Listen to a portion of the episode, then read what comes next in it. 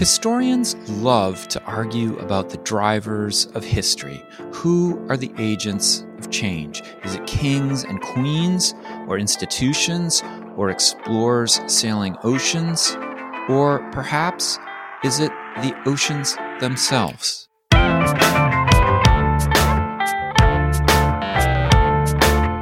It's time to eat the dogs.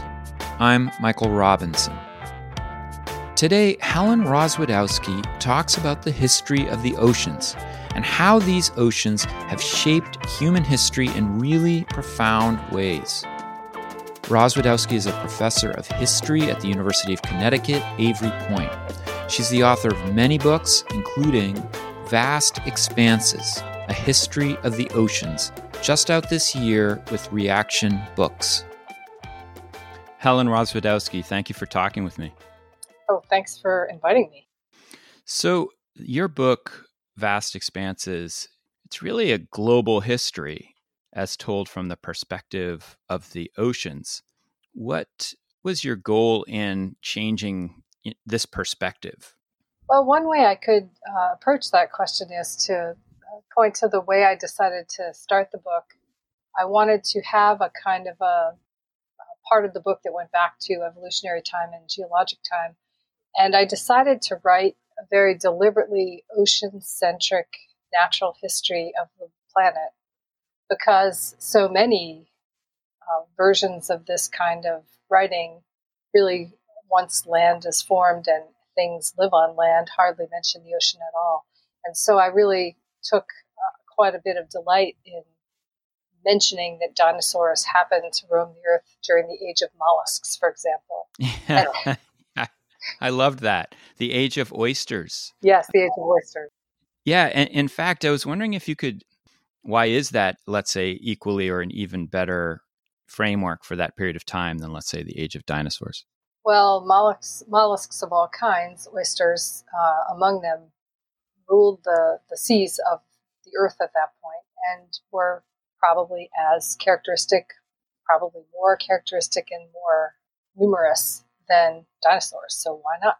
Yeah, I was uh, I was really surprised at the way that you put the first chapters of this book together because I think for for people who are listening who are not historians and they hear you know the term history, uh, it might just be the study of the past. But you and I know that most of our time is spent looking at what people do and the first two chapters of your book, you're really trying to tell a kind of history of the oceans without any humans around. And uh, it's an unbelievably diverse story. I mean, you touch on geology, paleontology, astronomy. And I was wondering uh, what kind of challenges that brought to you as a writer to try to tell that huge story without any people in it those were some of the hardest parts for me to write. And I think it's probably not an exaggeration to say I spent a year reading science, various things to help with the natural history chapter. And I spent another year reading about early human archaeology, the, the exciting work that's being done right now with early hominids and with early hominid and Homo sapien and other kinds of Homo genus's uh, species use of marine resources and indirect evidence of human voyaging and things like that, and trying to then turn around and render that in a way that made it into history was uh, was a bigger challenge than I had expected, um, but was very fun to do. So it was fun. Ultimately, it just seemed like quite an incredible thing, and but I was thinking it would be exceptionally challenging as a writer. Well, yes, I, I'd, I'd be lying if I said that it wasn't. But what I was really trying to do was to sort of get those chapters written down, but also that those narratives help support the argument that the ocean has a history that is connected to people. Yeah. Um, and one of the reasons for that is because the ocean creates the conditions for life. And, and I think we should take that seriously as historians.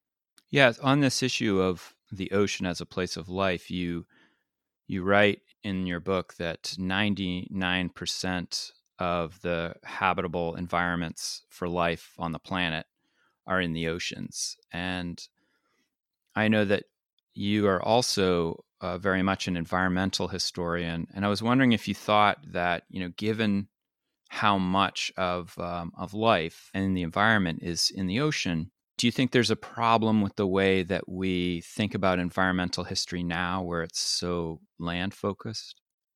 Yeah, that's an interesting question, and I'll I'll circle around and answer it this way. When I first saw uh, a slide in a talk by a, a colleague, actually, who's here at the University of Connecticut, Peter Auster, who showed that slide, and I've seen that slide in other um, science talks elsewhere since then.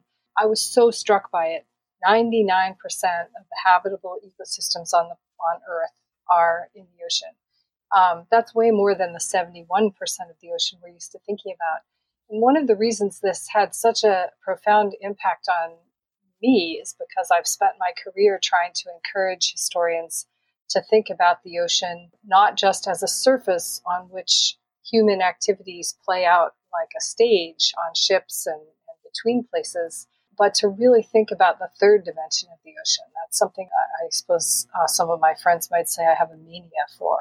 but when I saw when I saw that that slide, I thought, okay, so scientists get that the, the volume of the ocean matters. Now, let's see if we can really turn around and, and show how all of the ocean, including these faraway places like hydrothermal vents, matter uh, to history. And by that, you know, I think we we sort of assume we mean human history because we're making a distinction between natural history and human history. And I'm, I'm trying to convey in this book that it does matter. Uh, and it matters precisely because humans have influence on the ocean and the ocean has uh, dramatically shaped human activities. And that kind of two directional flow is exactly what we, we learn from environmental history. The, uh, the kind of links that you make I was struck by the fact, for example, that in talking about human migrations, you were mentioning that you know you cannot tell the story of uh, human migrations into places like Australia or the appearance of uh, Homo uh, floresiensis in Indonesia, which I guess has been there for at least a few hundred thousand years. Without, they say a million. A million years. Uh, without getting into this issue of well, how are human beings understanding the oceans well enough to actually cross them? Yeah, it's not even a question. I was just really struck by that. Well, I was going to say one of the things I've learned in in the research I did for this book, and of course, some of this research is based on scientific literature, and some of it is more kind of primary source research, like historians usually do. But what I learned from the anthropologists and the archaeologists is is kind of a a twofold thing. I mean, one thing I learned is that the recent research is showing amazing and very interesting things about how long ago people and hominids before Homo sapiens have been voyaging, which we know from this kind of indirect evidence, and using marine resources uh, in many different ways. But one of the other things that was super interesting to me was to look back into the archaeological literature of up to a few decades ago and realize what a profoundly terrestrial bias archaeology had, just hmm. assuming that people wouldn't see food and could didn't have the capacity to to uh, manage voyaging and it's not like some of this evidence wasn't known before. It was just kind of inconceivable in, in that world. And with the the kind of greater awareness, as as I understand it, of um, where sea levels were in the past, and the dawning realization that that means that people who lived close to the sea would have left their evidence behind in places that are now submerged. Is, is really reframing the kinds of questions that uh, it seems to me that archaeologists and anthropologists are, are asking about people from long ago. I was also really struck by the way that your approach to the ocean ends up changing things that we associate with the ocean, but maybe in different ways. Like I was thinking, for example, you talk about the sublimity of the ocean. You know, it's a sub- sublime place. It's both beautiful and terrible. Those are things that people have talked about relative to the ocean since the late 1700s, but usually it gets associated with things like storms, shipwrecks, and you are turning uh, the attention of the reader towards the underwater world, these massive mountains that exist underwater or the trenches uh, that go down deeper than any terrestrial trench or these creatures like the megalodon if i'm saying that right the right way these 60 foot long sharks that used to live there. I, i'm just wondering in the process of writing this did did any of this surprise you or stand out to you well i guess one way to answer that is to say that i think in some ways the fact that we are, many of us, are struck by these extremes in the ocean. The fact that the ocean has the tallest mountains, the longest feature on the Earth, which is the, the series of mid ocean ridges, uh, waterfalls, uh, the biggest creatures that have ever lived, the oldest creatures that have ever lived, and so on and so on. The fact that we're struck by those things is probably conditioned by the fact that we live in a culture that has been affected by those ideas of sublimity and romanticism and things like that. And it is true that the ocean is kind of a repository for reflections along those lines. So, yes, in some cases I was surprised, and in other cases I wasn't. But I was led to the, the kind of dawning realization that really what we see when we look at the ocean is really a reflection back of what we bring to it and hmm. what we, we already think, yeah. because the ocean in most cases is opaque. And so, you know, when we see sublimity and when we see romanticism in the ocean, that's largely because we bring it there. And so then it prompts me to suggest we need to put on our historian hats and ask, well, who are the actors having these thoughts and where did these thoughts come from and what are the pieces of documentary and, and artistic and literary evidence that help us uh, uh, see why people understood the ocean in this particular way at this particular time. Mm. You were writing uh, in one of the later chapters about the 19th century as a time when mariners and scientists are beginning to discover the ocean as a three dimensional place. And I was wondering if you could talk about what's driving that. Well, I think, though I can't claim to be uh, an expert in the kind of 15th, 16th century, one of the things that seems to me um, that is happening is that new uh, interest in various kinds of oceanic resources, especially whales and seals in northern ocean, north North Atlantic, uh, is is causing people to be aware of uh, animals that go underwater but have to come to the surface and breathe, uh, parts of the ocean that maybe they haven't uh, visited before in such great numbers, and especially reporting back that information to learned people who start writing about these things. The Swiss naturalist Conrad Gessner creating his his um, compendium of animals, both uh, real and imaginary, is, is, are the categories we would use today. But uh, he has these drawings of what don't look much like whales, but are obviously intended to be whales and seals, and he has them kind of right next to these sea monsters and mer people. And so there's a lot of interest in what is hidden under the waves. And, and that, at a certain point in time, kind of coming off of the so called age of geographic discovery and uh, heading into a period of intensified European uh, commodification of nature, uh, that was happening with regard to ocean resources.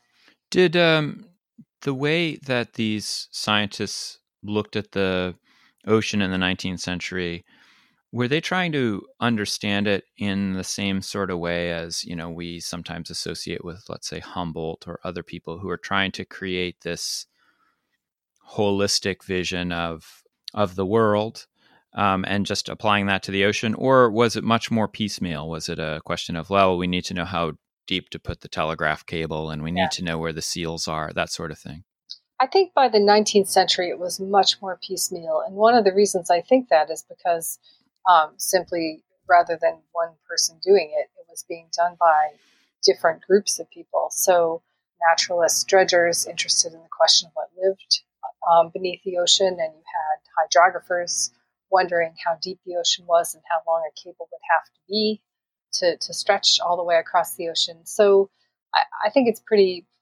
much more piecemeal in the 19th century than it was earlier. One of the things you talk about in your final chapters, and I know this is work you're doing now as well, is on the idea of the ocean as a frontier. And you start that chapter talking about how the frontier is this iconic place in American culture, uh, something in the 19th century we associated with the American West, and was you know it became this symbolic and cultural structure. It's something that academics like us talk about all the time, and then it gets applied to the ocean, the deep ocean, in the 20th century. I'm wondering how much the 19th century American frontier shaped the way people thought about the ocean in the 20th century. And then, uh, as a kind of follow up question, why did, let's say, that deep ocean frontier turn out so differently from other frontiers like the space frontier? So, to start with your, your initial question, the 19th century ideals shaped thoughts about the ocean very directly. And I would point to the work of Gary Kroll, who's given us some amazingly evocative examples of comparing whales to bison huh. as creatures that would sadly inevitably become extinct and we should learn about them before they do. This kind of posture that many naturalists who thought about whales in the early part of the 20th century had. Let's learn about them it was kind of a kooky moment when a few people started trying to think about ranching them the way they ranch bison. But um, so so there were certainly direct influences. The influence that I found to be very important to to come to terms with for understanding how the undersea was constructed as a frontier in the 1950s and 60s after World War II was kind of 19th century, but it was also kind of a 20th century thing. It was namely the idea of the frontier as articulated by the American historian Frederick Jackson Turner, who um, did his work between kind of the 1890s and the 1920s. And, and it was his argument that the frontier had a kind of formative uh, influence on American culture and democracy that was available as a kind of a comparison point for people in the post war period to look at the ocean and say, well, just like the West, the ocean has raw material, it has food, it has things that can help us develop industries.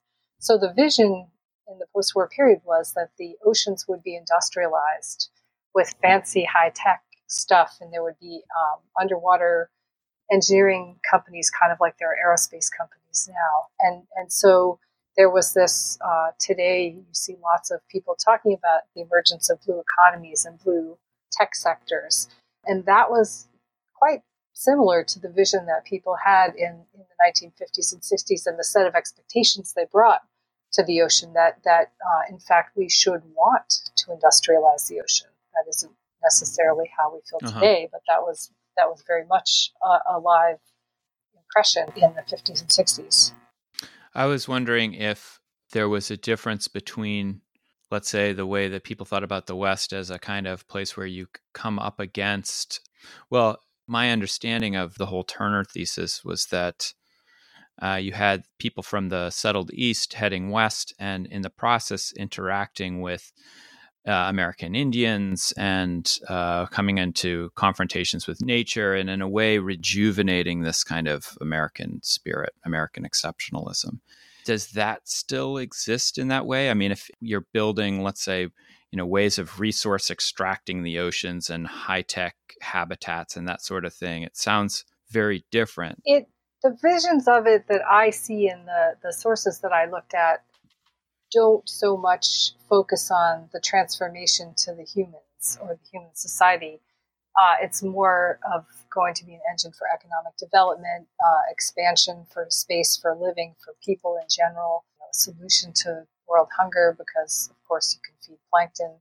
Always imagined feeding plankton to the poor people and keeping the other food for the rich people, but so these these visions were certainly not egalitarian. But uh, I would say some of the people who who um, really embraced these visions were internationalists, uh, and so they were envisioning mm-hmm. a time when uh, nationalism would fall away and there would be one world government, and that was considered a good thing. People like Arthur C. Clarke, uh, who was also the space futurist.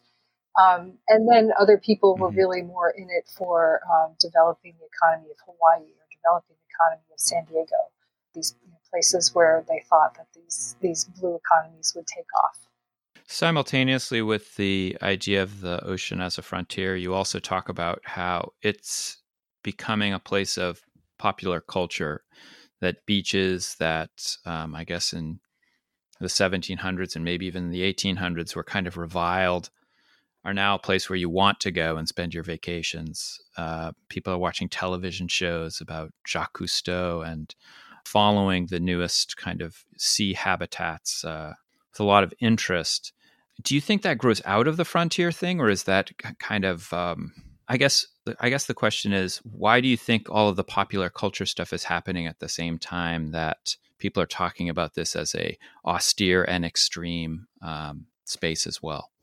I think the answer to that is very, very tightly connected to one particular invention, which is the invention of the aqualung, mm. uh, which led to the widespread adoption of scuba, and and kind of relates to a question you mentioned earlier that we didn't circle back to, uh, the difference between the undersea and outer space in the post-World World War II period, and that is that the ocean became very much an accessible uh, place uh, an accessible frontier, if you will.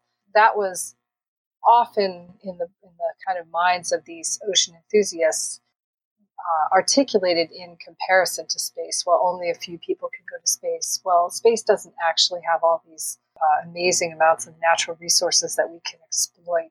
You know, there's uh, there, there's a sense that the ocean is more reachable and more potentially going to deliver what what people need uh, in the world right now. One of the things that I feel strongly about when you look at things like polar exploration and space exploration is you really begin to see how important rocky structures are to human human exploration.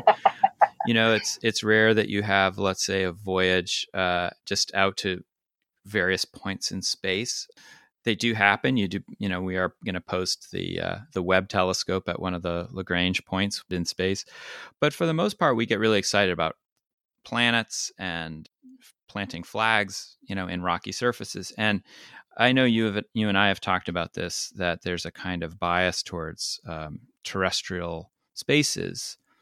Well, you've just written an entire book about kind of reconfiguring global history from the perspective of a non-terrestrial space. What do you think the biggest biases biases are in, as you look across this this you know huge expanse of time um, in which we kind of get it wrong in which we're looking at things from a too terrestrial a point of view? Wow. That is a tough question.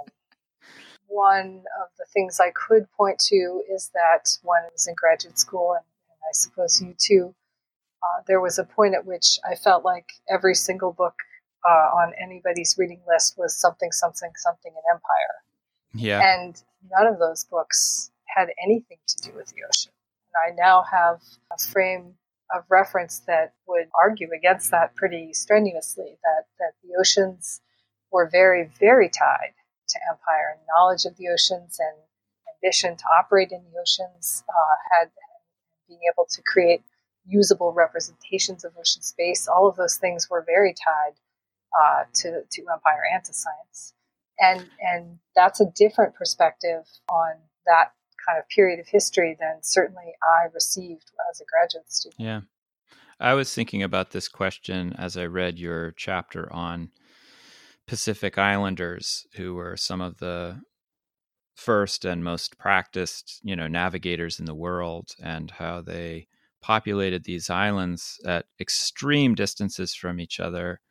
Um, and the way that they've been described through uh, history as these really kind of isolated peoples living these precarious right. existences that you say like well no i mean they actually see the ocean as a kind of almost land based space. And I was thinking, like, wow, that is such a problem of history that comes from uh, the framework which we're using to to look at them. You know, right? And there's there's a couple of really uh, excellent scholars that have kind of helped me understand this this framing. Um, uh, Phil Steinberg's work on the social construction of the ocean, and Peli Hau'ofa's uh, essay, "The Sea of Seas of Islands," and uh, Joyce Chaplin's work on on the Pacific. But it really putting those things together and thinking from an ocean perspective, you see that uh, the, the Europeans saw and experienced the ocean very differently from the way Pacific Islanders did,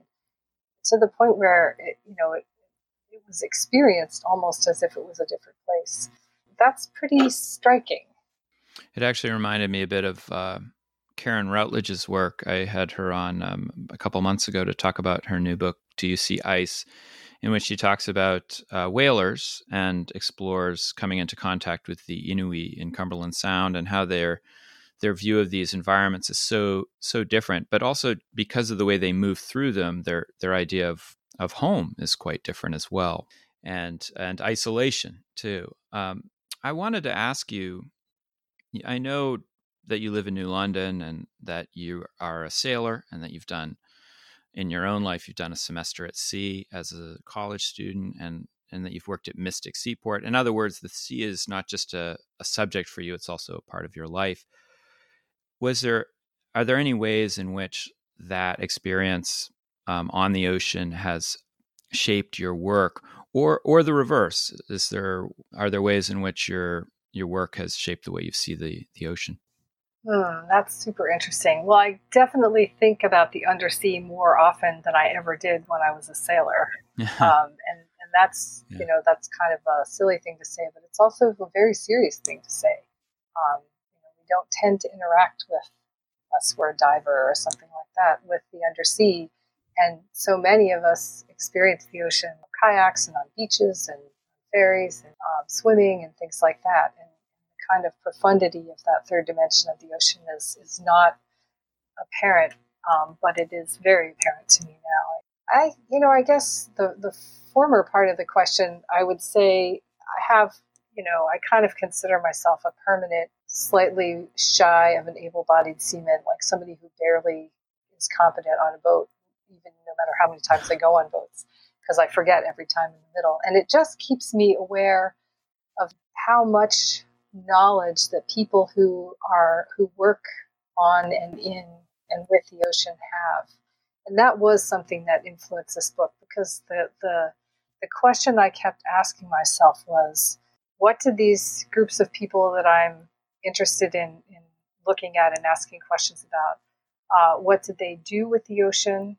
But then, how did they do it? Which makes you sort of step back and say, how did they create knowledge about the ocean and then how did they use that ocean? And then you can step back one step forward and say well how did they come up with the ambition to ask those questions? What where did their hmm. desire how did their desires make them seek the knowledge that helped them to use the ocean? Yeah. Having a certain amount of um, awe for people i know who are actually super competent on boats made me very aware of how much knowledge is, is embedded in operating near and around the ocean. Yeah. Helen Rozwadowski, thank you for talking with me. Well, thank you for having me. That's it for today. The music was composed by Zabrat Make sure you check out the Time to Eat the Dog's website for podcast links and other exploration related stuff. And if you get the chance, please take a minute to rate and review the show wherever you get your podcasts. It really helps make the show visible to new listeners. And if you want to recommend a guest or make a comment, feel free to contact me at time to eat the dogs, that's one word, lowercase, at gmail.com. See you next week.